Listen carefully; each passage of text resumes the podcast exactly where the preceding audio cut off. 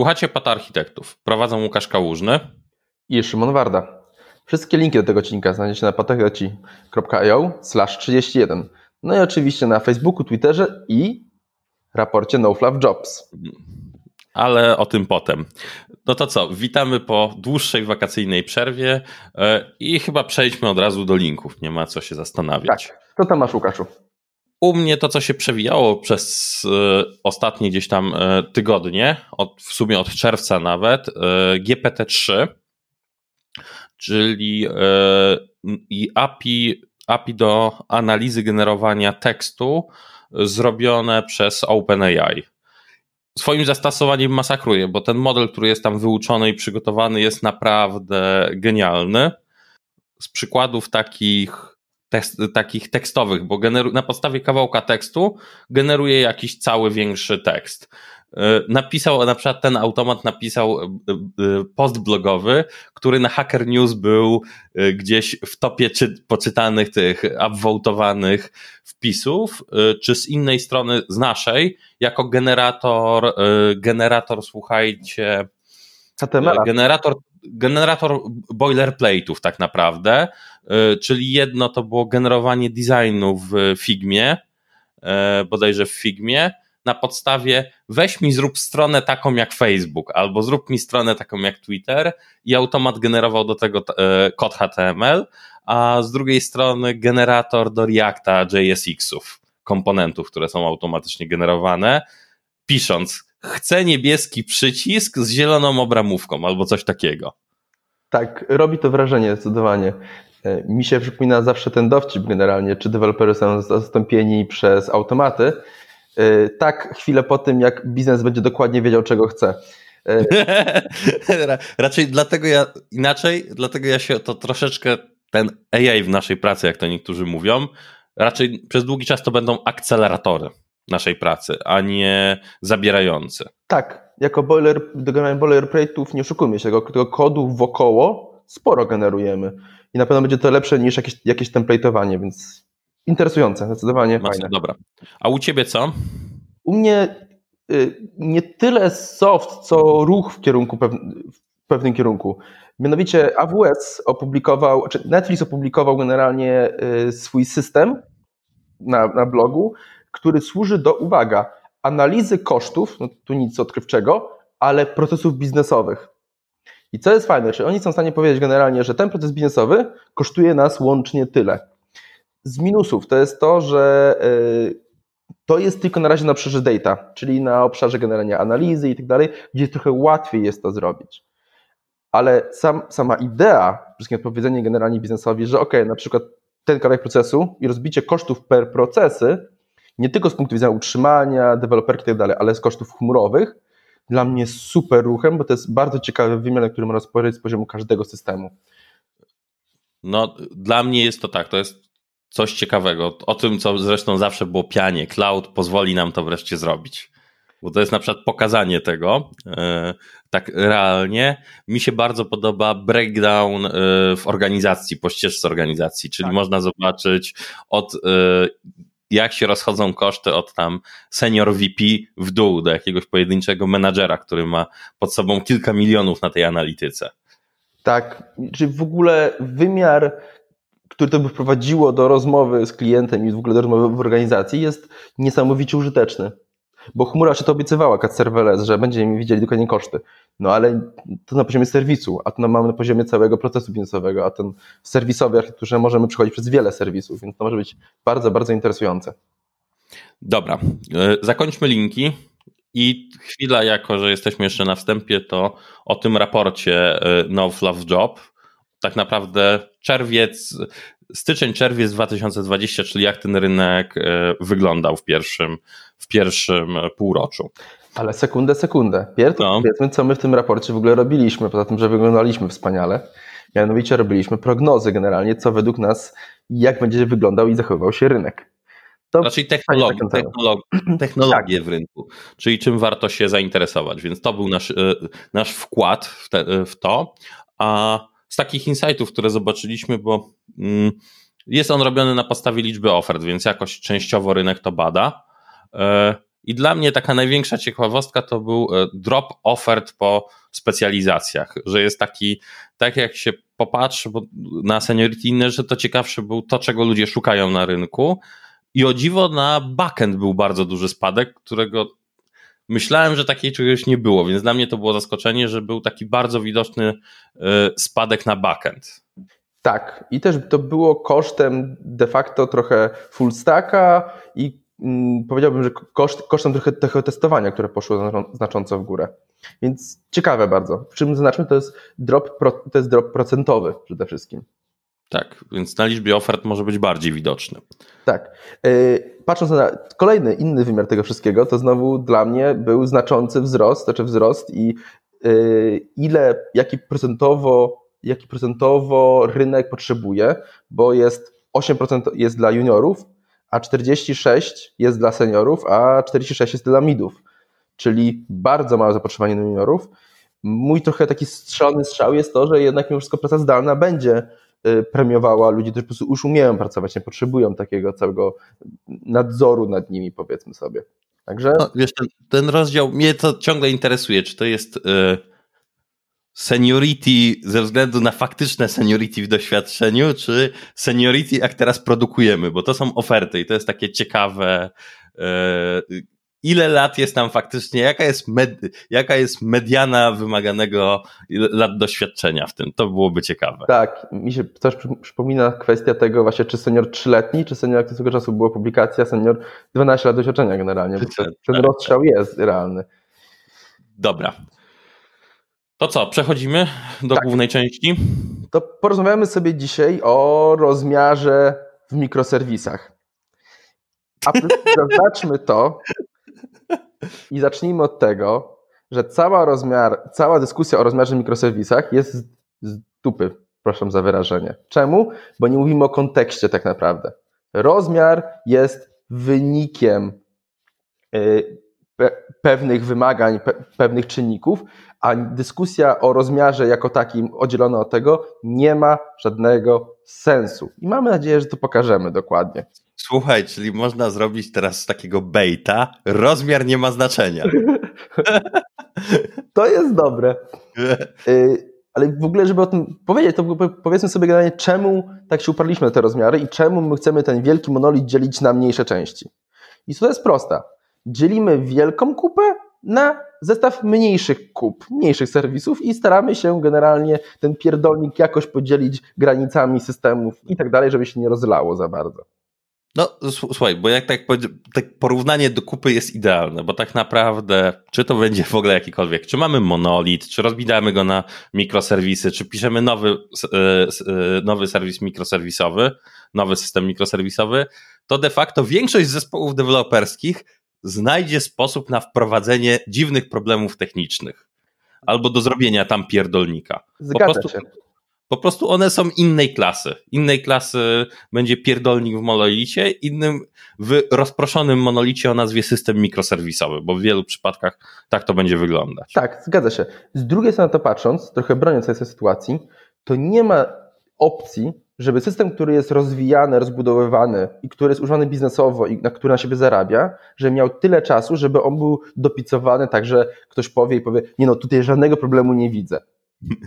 Ta, takie sytuacje nie istnieją, powiedzmy sobie szczerze. Widziałem raz taką inicjatywę, tylko potem menadżer stracił budżet. No bo, ale ta inicjatywa generalnie będzie miała budżet bez końca tak naprawdę. To będzie przepisywanie w kółko. Doskonale znamy deweloperów i znamy siebie, że generalnie to będzie, a to jeszcze można by poprawić. I refaktor, który nie zna, nie zna podstaw i wprowadza inne problemy. No bo złożoności nie da się wyeliminować, da się tego przesunąć. Więc no, sorry. Kupa zawsze będzie jakaś. No dobra, to co? Lecimy.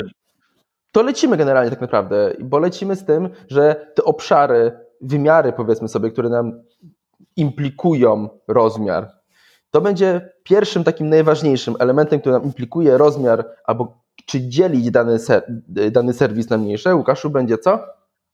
No, pierwsza jest organizacja. To jest chyba w ogóle najważniejsza motywacja z tego wszystkiego, jeżeli popatrzymy. To jest organizacja w sensie nasza firma, gdzieś nasz departament, nasz zespół. To jest cały ten ekosystem, który to wytwarza i używa. Tak, to, to wszystko wynika z tego, że Jak zespół ma wielu product ownerów albo wiele osób wpływa na jeden zespół, jeden serwis, to nie zadziała na poziomie organizacyjnym. Cała oczywiście zasada Conwaya, że różne działy będą miały różne nazewnictwa, będą, yy, będą różnie dążyły do tego, jak, jak to powinno wyglądać, nie zadziała. Na poziomie organizacyjnym musimy to podzielić. Tak, więc upraszczając organizację, jeżeli coś należy do dwóch działów teorii, to należy to twardo podzielić. To może być jeden z takich e, wymiarów organizacyjnych, który wpływa na podział. Czyli najlepiej, najlepiej jak mikroserwis jest ownowany, jeżeli popatrzymy sobie, ta usługa jest ownowana przez jeden konkretny zespół. Tak, przy czym tu może być wyjątek, że jeżeli to są bardzo dobre zespoły, i znowu seniorskie, które umieją ze sobą pracować, umieją ze sobą się komunikować, to są sytuacje i to jest dopuszczalne generalnie, że dwa zespoły mogą jeden serwis, który w tym momencie będzie większy, ale jeżeli się dogadują. Wiesz co, bo tam gdzieś ostatnio słyszałem stwierdzenie, że mm, takie stwierdzenie, że y, mikroserwisy ułatwiają, y, trochę zdejmują nas z warstwy komunikacji międzyludzkiej. Ja tak nadal uważam, że to jest taka gówno prawda sprzedawana do menadżerów, e, bo dla mnie to istnieje, zawsze będzie problem. Ten brak komunikacji takiej międzyludzkiej, jak popatrzymy na wytwarzanie software'u, czy to w monolicie, czy to do mikroserwisach, zawsze prowadzi do pięknych faili. Oczywiście, że tak. Generalnie komunikacja przez kontrakty swaggerowe czy jakiekolwiek inne zawsze będzie gorsza niż pogadanie 10 minut. Tak, więc to jest takie moje. E, drugie stwierdzenie, które jest bardzo ciekawe, które wyszło nam w trakcie rozmowy, bo jest ta zasada, która trochę w niektórych miejscach się zgadzamy, to jest te two pizza box, czyli że e, zrobienie tak naprawdę tego, e, tej granicy na podstawie wielkości zespołu, którą jest się w stanie wykarmić dwoma, e, dwoma pudełkami pizzy. I tak o tym myśląc, to Amazon wprowadził, Bezos wprowadzili wspaniałe commodity wśród deweloperów. Bo taki mały zespół nie jest w stanie aż tyle nawrzucać, wytworzyć oprogramowania i łatwo można po nich posprzątać, nawet kasując i przepisując. Więc te tu Pizza Box i mikroserwis to jest piękne commodity zastępowalność. Tak, zastępowalność jest połowę zastępowalności ludzi, w które sami niejako weszliśmy, ale to jest bardzo dobre spostrzeżenie właśnie, e, że no, te małe zespoły implikują to, że one mało tworzą, implikują to, że te rzeczy, które nie tworzą są łatwo, łatwo, zastępowalne, łatwo zastępowalne. A teraz to, wrócimy To jest do... zaleta akurat. To jest, to jest zaleta akurat, ta zastępowalność z perspektywy biznesowej. Tak, technicznej czasami też generalnie, yy, ale jak to się zgadza, tylko trzeba być tego świadomym. Dobra, to jeszcze jedna rzecz. Yy, kontekst yy, dostawców, bo to jest ciekawa rzecz. I tu mieliśmy, tu mieliśmy dyskusję tak naprawdę, bo w, w, systemie korporacyjnym, jakim się często poruszamy, to jest to mimo wszystko, że nie, nie, zawsze mamy całkowicie wewnętrzny zespół deweloperski, tylko niektóre obszary będą wytwarzane przez różnych dostawców tak naprawdę. Zewnętrznych. Tak. I, I to... nie mówimy o body leasingu, to jest bardzo ważne. To nie jest branie, sorsowanie ludzi do siebie, tylko że oddajemy development jakiegoś komponentu zupełnie na, na zewnątrz, na naszych zasadach. Tak, na zewnątrz albo częściowo na zewnątrz, że generalnie analityka i tak dalej jest robiona przez jakąś firmę. No, nawet mając taki, taki prosty body leasing, to dalej takie tam ciągoty mimo wszystko będą. I tu jednak po dyskusji mamy jasne stwierdzenie, że lepiej, żeby jeden dostawca, jeden serwis. Albo wiele serwisów wytwarzał. Tak, dokładnie. E, czemu, czemu w ten sposób? Bo unikamy całej polityki. Z minusów oczywiście jest to, że w tym momencie ten serwis staje się bardziej związany z tym dostawcą co jest niby gorsze, ale prędkość wytwarzania przy mapowaniu jeden, jeden dostawca, jeden serwis będzie dużo, dużo wyższa. Także to wydaje się jaki, jako sensowny tak, kompromis. Może zawsze, tylko podkreślmy zawsze, że minimum jeden serwis, bo to jest istotne. Tak. Że to nie, że ma wytwarzać jeden serwis, tylko że y, tak naprawdę, jeżeli outsourcujemy, to najlepiej y, cały serwis albo kilka mikroserwisów, etc. Dokładnie. Dobrze, to chyba lecimy do kolejnego wymiaru. I zaznaczamy jeszcze raz, one są w kolejności od ważności, czyli organizacja jest pierwsza. Tak. I to jest taki pierwsza motywacja, chyba dla mnie, dla mnie, dla ciebie najważniejsza, jak zresztą uzgodniliśmy. Tak. Druga, druga ciekawa rzecz, która wychodzi, to jest bezpieczeństwo o dziwo po dyskusji. Tak. I mieliśmy inne, ale ta lista nam się tasowała dość mocno w międzyczasie, więc Łukaszu, co rozumiem, co rozumiem przez bezpieczeństwo? Tak naprawdę jest to takie segregation of duty, podział odpowiedzialności z punktu widzenia e, architektury, bo w security o tym często mówimy, o e, powierzchni ataku, o podziale odpowiedzialności i tak naprawdę jeżeli mamy gdzieś komponenty, które mają interakcję ze światem zewnętrznym, w szczególności coś udostępniają, to takie coś tak naprawdę łatwo wydzielić i z punktu widzenia bezpieczeństwa jest to autonomiczne i nie powinno mieć dużego wpływu na resztę systemu. E, mówi się o, jeżeli przyjmujemy requesty, pojawia się też w security pojęcie detenowania requestu. Dokładnie. Sprawdzenia tego, czyli to jest taka rzecz, którą wydzielamy, czy być może gdzieś w jakimś e, musimy wystawić naszą usługę jakiemuś badziewiu, na przykład na e, słabych algorytmach kryptograficznych, na słabym uwierzytelnianiu albo z innymi tak wątpliwej jakości rzeczami, to można takie badziestwo wydzielić. Inną taką funkcjonalnością, która często też przychodzi, to jest upload plików. Jako deweloperzy nie myślimy o tym zupełnie, że te pliki powinno się sprawdzić, przeskanować, etc. Przypomina mi się klient, u którego kiedyś na takim dużym zbiorze włączyliśmy antywirusa. Było dowcipnie. O tak, na dokumentach e, Wordowych i Excelowych.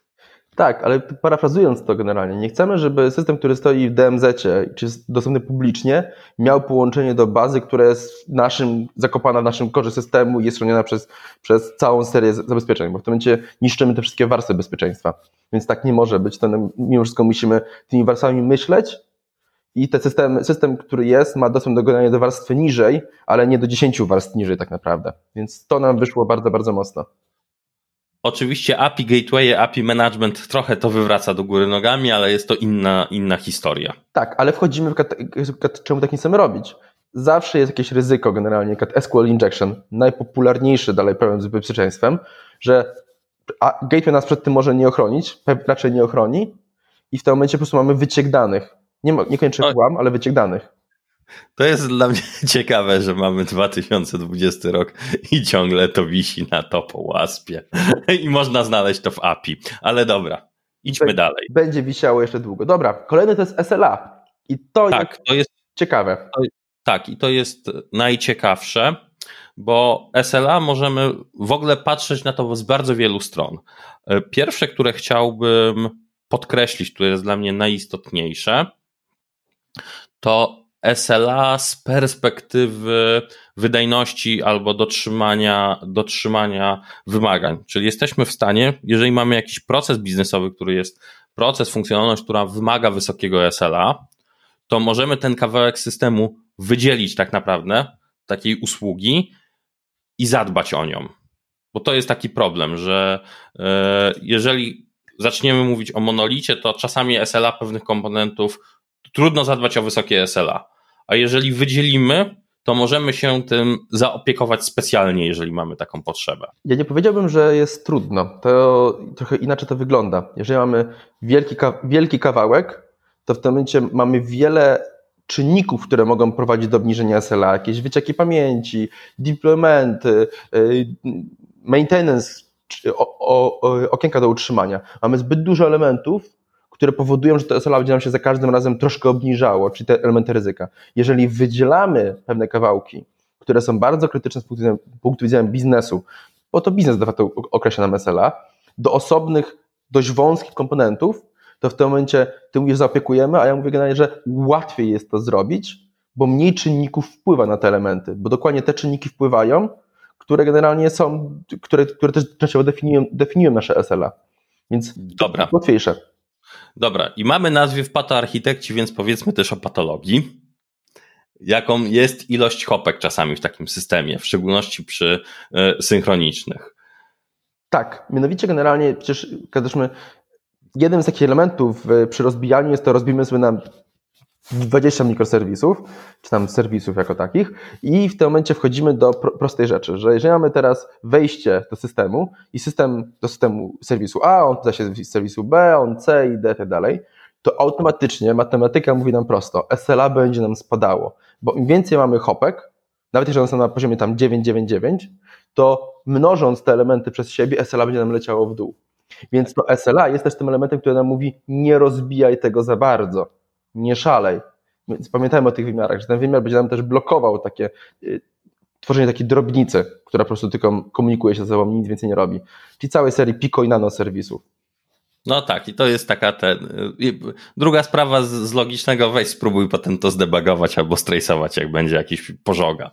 Nie da rady, oczywiście, że nie da rady. Dobrze, kolejny element. Dobra, i to jest taki wrzut na tyłku wszystkich w IT. I jest on czwarty, u nas trafił jako czwarty, czyli compliance. I przez compliance rozumiemy zgodność z regulacjami, bo w wielu miejscach jest taka zgodność potrzebna. Jak sobie popatrzymy, to dwa najpopularniejsze, z którymi się można zetknąć na rynku, to będzie nasz nieśmiertelny GDPR, czyli RODO i ochrona danych osobowych. Mhm. PCI DSS, czyli przetwarzanie dan- e, e, rzeczy z kart kredytowych, to też się często zdarza, chociaż już ludzie idą po rozum do głowy i często biorą po prostu bramkę i się tym nie przejmują. Starają się trzymać od tego z daleka i jakieś inne sektorowe. Jak o tym pomyślimy, to mówimy o albo o danych, albo o procesach. I tu doprecyzujmy, bo jeżeli chodzi o dane, to chodzi o dostępy, czyli o naszą bazę danych, czyli generalnie, które systemy mają w ogóle dostęp. To jest trochę dublowanie tego, co mówiliśmy w kontekście security, ale na poziomie prawnym to jest takie jeszcze, jeszcze inny wymiar. A jeżeli chodzi o procesy, przykład, kwestie procesów ubezpieczeniowych, gdzie musimy mieć, gdzie musimy mieć, powinniśmy mieć audytowalność naszych procesów na przykład. Czy na przykład nie używaliśmy złych parametrów, czy na przykład nie dyskryminowaliśmy i tak dalej, tak dalej.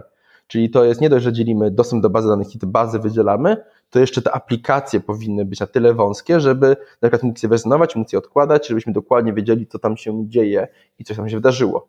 Bo takie wymagania compliance będą też nakładały się na zespoły deweloperskie i ich velocity będzie niższe, bo będą musieli y, większą ilością rzeczy się interesować i przez zupełnie inny poziom testów przechodzić. Tak, tam przykładowo, nie zmienia. W niektórych rozwiązaniach przykładowo jest tylko jeden serwis, który ma dostęp do danych osobowych, a reszta lata sobie w całym systemie po ID-kach i jest to normalna rzecz. Tak, i będzie pewnie miał dokładny audyt, kto się odpytywał, co się odpytywało i będzie, będzie cała historia. Co się, co Wiesz co, cieszy mnie słowo audyt, bo to jest w ogóle taka rzecz, którą trzeba zapamiętać przy compliance. Audytowalność i rozliczalność zmian, zapytań, etc. jest w ogóle clue wszystkich regulacji. Oczywiście, bo zawsze musimy wiedzieć, co się wydarzyło i co, przez kogo i kiedy. Podstawa. Tak, dokładnie, więc to jest taki najważniejszy z tego. Dobrze, to lecimy do kolejnego. Skalowalności. I tu zaznaczamy, nie rozumiemy przez to SLA. To są trochę inne rzeczy generalnie. Tak. Mówi skalowalność w kontekście wydajności, tak naprawdę. I tak, bo nie zawsze SLA drive'uje wydajność, bo zależy czym jest SLA, więc to nie jest y, driver. Można mieć y, driver o zasadzie motywacji, na zasadzie, że musimy mamy SLA na wydajność, no to wtedy to będzie kontekst SLA, a nie kontekst skalowalności. Tak. Może być taka sytuacja, że mamy serwis o bardzo różnym poziomie dostępności. Na przykład generalnie jest w pewnych godzinach pikuje bardzo mocno, a w pozostałych godzinach znacząco niżej. Więc znowu, skalowanie dużej aplikacji jest dużo trudniejsze, albo inaczej, jest wolniejsze, niekoniecznie jest trudniejsze, jest po prostu wolniejsze, przez to jest bardziej pracochłonne, jest bardziej kosztowne i tak dalej, tak dalej. Skalowanie czegoś mniejszego jest po prostu łatwiejsze. Monolitu nie wrzucimy na serverlessa w consumption planie, ale konkretny krótki proces możemy jak najbardziej wrzucić. Bramkę do przyjmowania zleceń, tak dalej, tak dalej. Możemy to zrobić to, to wszystko właśnie ten. Y, wróćmy, kontekst is the king, tak samo przy skalowalności.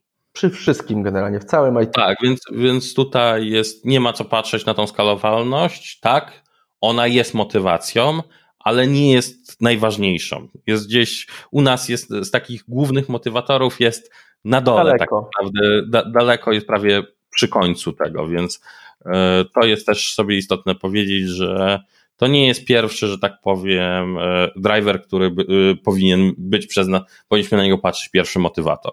A ni niestety często jest tym pierwszym elementem, który patrzymy, bo jest mocno techniczny. Czy wiesz co, ja to tak, jest mocno techniczny, ja mam inne stwierdzenie.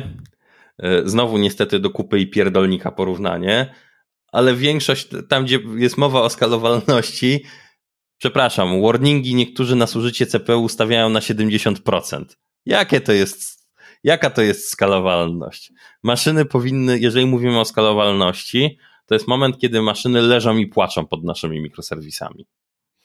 Tak, albo generalnie niewielki wzrost w ruchu powoduje, że się po prostu w ogóle położą.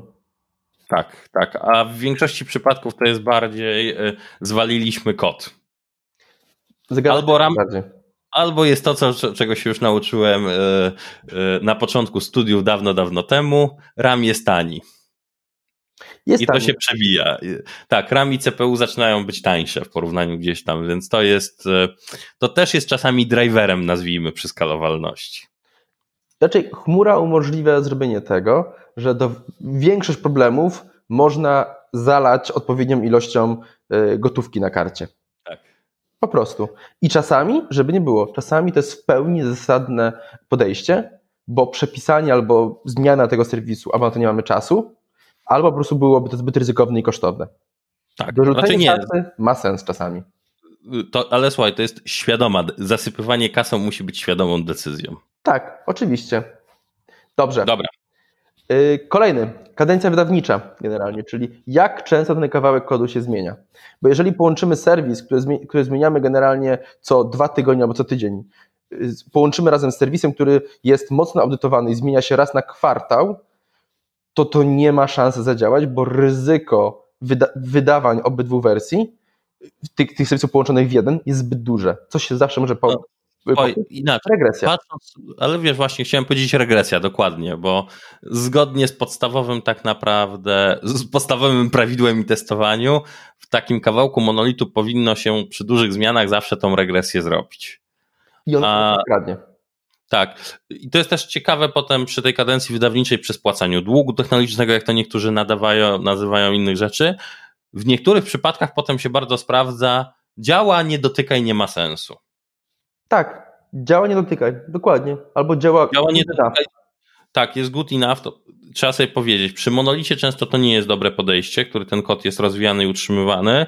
Przy mikroserwisie, jeżeli dobrze został wyspecyfikowany, to czasami upgrade, czy nawet słuchajcie, automatyczny upgrade, tak jak się popatrzy na te depend boty i inne zabawki, może się okazać, że działa, jeżeli jest dobrze, są na przykład dobrze zrobione testy integracyjne, to parę rzeczy może być nawet automatem zarządzane poza nami przy takiej kadencji wydawniczej, więc ma to gdzieś sens. Ale tak, pierwsze to jest Velocity tak naprawdę.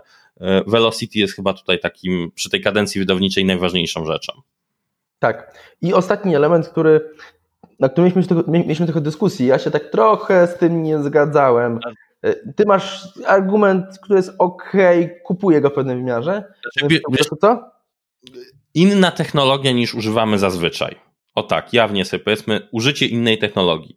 Bo mikroserwisy, przepraszam, to też jest taki bullet point z prezentacji, raportów, publikacji, tak. że możesz użyć różnych technologii w firmie. O tak. Czyli e... robić pierdolnik na poziomie już wszystkiego i braku utrzymywalności. Tak. tak. dokładnie, ale z tym pierdolnikiem, jeżeli na to popatrzymy, dobra, to ma e, jeden realny benefit organizacyjny. Niekiedy da się wyszumieć ludziom, przy jakiejś małej rzeczy, której nie spieprzą. Tak, tylko to małą rzecz, potem, której nie, nie spieprzyli, trzeba później utrzymywać. I jest tak, i to jest, tak, i to jest, tak, i to jest taka pierwsza, i tak, i to jest właśnie to, z czym z Tobą się zgadzam, że tak, że łatamy, że tak powiem, problemy motywacyjne, organizacyjne e, kosztem technologii. Druga rzecz, jeżeli sobie popatrzymy, to przy podejściu, kiedy mamy e, homogeniczne środowisko gdzieś technologiczne, to często ludzie wynajdują koło na nowo gdzieś, gdzie było w innym miejscu. Jest to dostępne po prostu z pudełka bez myślenia. Jest tam dużo takich przypadków, że wymyślamy koło na nowo, bo mamy jakiś konkretny stos technologiczny i boimy się poza niego wyjść. I czasami to ma, to ma zaletę. Czy dla mnie to ujęcie technologii jest strasznie ryzykowne, bo to jest to często widzimy jako ten główny element do użyjemy nowego serwisu, niech to będzie, to, to wydzielimy, użyjemy tutaj technologii XY, bo ona jest dużo lepsza. To, czy jest dużo lepsza, to tak mm, nie do końca to się zawsze sprawdza, bo z reguły te technologie nie są aż tak wąskie, żeby była super w jednej rzeczy, a do dupy w drugiej generalnie, bo to tak nie działa. Świat nie jest taki czarno-biały. Yy, więc dla mnie bardzo ryzykowne, choć zgodzę się, że przy analityce danych, przy raportach, takich rzeczach faktycznie innych niż takie procesowanie aplikacyjne, tu zgodzę się, że ten wymiar może jak najbardziej istnieć. Tak, więc, więc, więc trzeba sobie na to popatrzeć. Wiesz, ja nie będę mówił, że użyjmy nowej biblioteki i robimy nowy mikroserwis.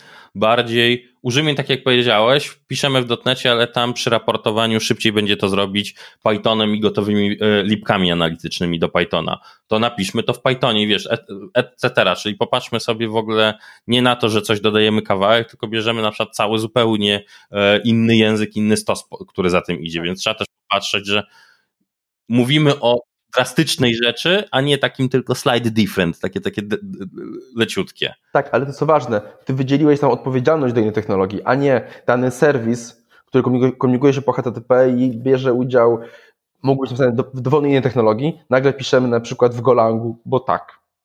Nie, bardziej mówię o rozwiązaniu problemów. Ten Golang nawet, który podałeś, bardzo często pojawia się gdzieś w komponentach infrastrukturalnych ze względu na wydajność. Bo jeżeli ktoś kuma w firmie kawałek Golanga, to często zrobi pewne rzeczy wydajniej niż w innych językach, tak z pudełka. No i teraz wchodzimy w dyskusję generalnie, czy aż tak bardzo, A... żeby w tym kierunku pójść. Ja stwierdzam, że musi być bardzo wąski case, żeby faktycznie ta, ta dlatego, się dlatego, dlatego jest na końcu. Ale jest on takim driverem, który jest istotny i warto go wyrzucić. Dobrze, teraz przejdźmy do, do, do zarzutów, bo tworząc tą listę mieliśmy sami generalnie, że pewnych rzeczy nie ma. Jednym z podstawowych było to, że nagle nie mamy ceny. Ale to nam z czego wynika? Wynika nam z SLA, wynika nam z compliance'u i wynika nam z skalowalności. To jest, cena jest to elementem, który wynika z naszej listy, a nie która jest głównym driverem tak naprawdę, no bo cena jest, cena jest Dobra. płacimy za coś tak naprawdę. Dobra, nie poszliśmy też w porównywanie sobie długości linii kodu. W ogóle o tym nie wspomnieliśmy, bo to nie ma znaczenia. On wynika z całego kontekstu.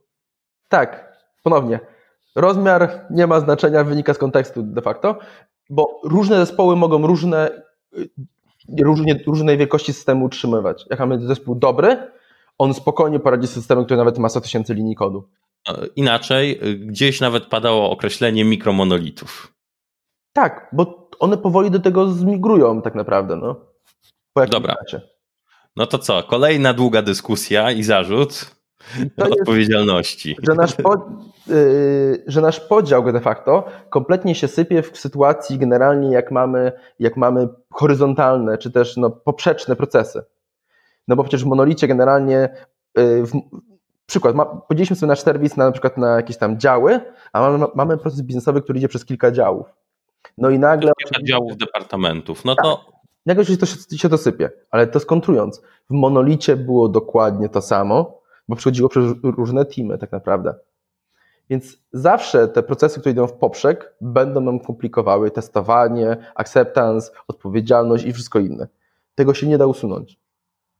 No, więc to jest taki wrzut na tyłku. I druga rzecz, która za tym jeszcze idzie tak naprawdę, za tym yy, horyzontalnymi procesami w organizacji, które sobie latają, yy, to jest duplikacja funkcjonalności. Bo bardzo często się pojawia, i to bardzo łatwo. Jesteśmy niezależni, więc to się dzieje, że powielamy funkcjonalności, które są. Tak, i powiedzmy sobie tak, że powielenie funkcjonalności to jest generalnie jakaś decyzja. Czemu?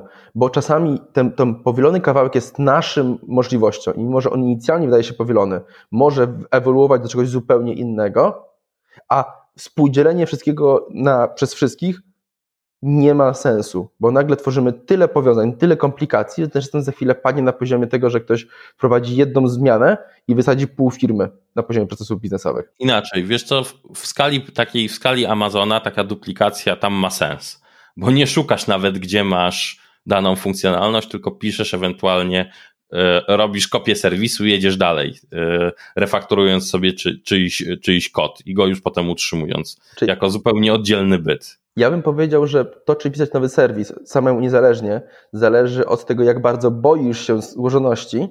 I to dla mnie jest dobry wyznacznik, ale znam ludzi, którzy nie znają strachu, więc takie trochę ryzykowne to jest. Robią copy-paste czyjś i jazda. Jazda utrzymujemy jak swoje dziecko. Że, oni od pustego pliku zaczynają i nie warto skomplikowany Z drugiej strony, okej. Okay.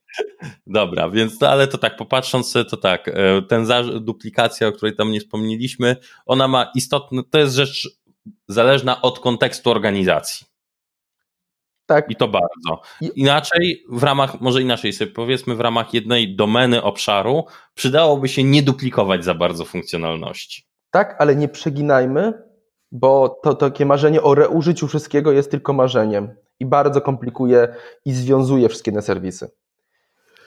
Dobrze, Łukaszu, teraz pogadajmy sobie, jak to robią inni, bo mamy dwie skrajności do omówienia w tym momencie.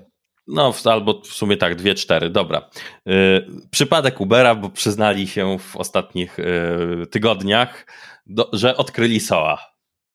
Tak. tak, i to jest. Yy, pokazano problem, tak naprawdę, to co powiedzieliśmy o, o hopkach. tam jest przykład, żeby przejść mikroserwisowanie, ten, przejść debugowanie przypadku mikroserwisu, to inżynier musiał przejść pomiędzy 50 teamami, 50 usługami przez 12 teamów. To tak. jest taka skrajność, którą odkryli przy swoim burdelu. Bo jak Uber dochodzi? Uber dochodzi, że szli na skalę, więc tam oni mieli kilkadziesiąt tysięcy y, rep gitowych i po prostu pisali serwisy od nowa. Więc no. na wytwarzanie. Skrajnością drugą jest Etsy, czyli serwis do sprzedawania rękodzieła generalnie, dość duży, notowany na giełdzie i w ogóle. Oni chwalą się tym, że są pięknym, świecącym przykładem na piękny monolit. Mają mały wpływ deweloperski, mówią zatrudniając samych seniorów i po prostu mają monolit i są z niego bardzo zadowoleni. Bo łatwo im jest go ogarnąć, jest mały poziom skomplikowaności i mały poziom na zarządzanie tym wszystkim. Po prostu działa, bo mają dobrych ludzi i filtrują to. Dobra, i dwa przykłady lokalne, które miałem okazję gdzieś tam oglądać, żeby powiedzieć. Czyli poszło dobrze, poszło źle. Jeżeli chodzi o podziały rozmiary, no to jeden e, tak naprawdę, e, jeden zespół sobie poradził. Okazuje się, że miał bardzo homogeniczny stack, wspólne biblioteki dla infra, etc. I ten rozwój tak naprawdę były osoby, które utrzymywały funkcjonalności, nazwijmy to infrastrukturalne CI/CD, a reszta tak naprawdę szła podstawa z copy-paste'a i rozwijamy tylko funkcjonalność. I to no, działa, działało tam genialnie. Tylko, że. W... Wiem, jakie pole mówisz. Tak. No i było, wystan- ale było pod spodem wystandaryzowane, parę rzeczy było wystandaryzowanych i to tak w perspektywie podziału nie miałoby znaczenia, czy ktoś by zaczął pisać na tym kawałku kodu taki mikromonolit, czy kawałek małego serwisu. Po prostu było w zależności od przypadku, po prostu się pisało i tyle. Y, z drugiej strony widziałem, jeżeli popatrzymy na rozmiary i podział, y, ten podejście full serverless, full Pico Nano e, funkcyjek. No i tam był inaczej i się okazało, że e, to był driver, że robimy na serverlessie. O tak, e, taka była motywacja tam, bo będzie bardzo dziki skalowalny system i się nie udało. Jeżeli słyszę, że generalnie teraz mamy tyle użytkowników, ale w ciągu roku wyskalujemy się do 100 razy, to sorry, to nie działa. To znaczy, że generalnie ktoś nie pomyślał i to są, to są, to jest takie wishful thinking, że generalnie ktoś no. ma nadzieję, że tak będzie i to się raczej, raczej nie ziści. Oczywiście mówimy o szykach korporacyjnych, bo przy retailu i tak dalej to może wyglądać zupełnie, zupełnie inaczej, ale jeżeli będzie na taki pik na skalowanie, możemy to zasypać plaku chmury spokojnie kasą. Naprawdę. Tak, tak. Tak, a tam, tam była ciekawostka, zaczęło się skala, scalanie funkcjonalności do takich większych mikroserwisów w przypadku tego failu i to jest istotna ten, istotna rzecz. Dobrze. Podsumowanie, bo zwijamy ten ciąg po kolei. Podstawa. Rozmiar jest implikacją driverów, implikacją tego, o czym powiedzieliśmy nie jest jako takim tym celem, do którego mamy dojść. On nam wyjdzie z pewnych czynników i o tym należy pamiętać. Tak, i zobaczcie, nie powiedzieliśmy o żadnym DDD, bounded kontekstach, innych rzeczach. One tak. też są driverami, ale nie aż takimi, jeżeli popatrzymy na ten. Czyli one nam one są ukryte na tych poziomach organizacyjnych, na poziomie compliance'u, tak. one tam siedzą tak naprawdę. Tak, ale z model, tak naprawdę z modelowania całego organizacji nam potem to wychodzi. Yy, I jak, jeszcze do no. DDD wrócę. Pamiętajmy też o tym, że generalnie jak zaczynamy serwis z DDD, to nie znamy domeny, więc ten podział DDD inicjalny nam wyjdzie słaby, a nam chodzi o takie bardzo sztywniejsze rzeczy, które znamy na starcie, możemy sobie zmierzyć i określić. Dobra. E, I podsumowując na koniec, tak jak i zaczęliśmy na początku, skończmy głupią dyskusję o rozmiarach. I tak damy dupy w wielu miejscach. I to jest kalkulowane danie dupy w wielu miejscach. Tak to będzie wyglądało. Dobrze, to tyle. Kończymy. Na razie. Na razie.